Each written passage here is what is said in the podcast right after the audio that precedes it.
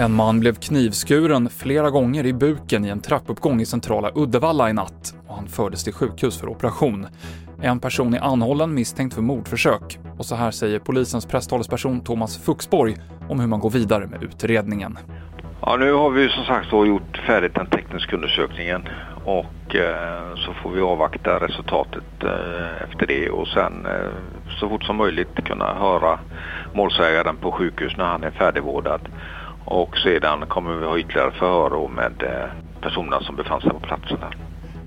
Antalet beviljade kontaktförbud skiljer sig åt i Sverige visar statistik från de senaste fem åren.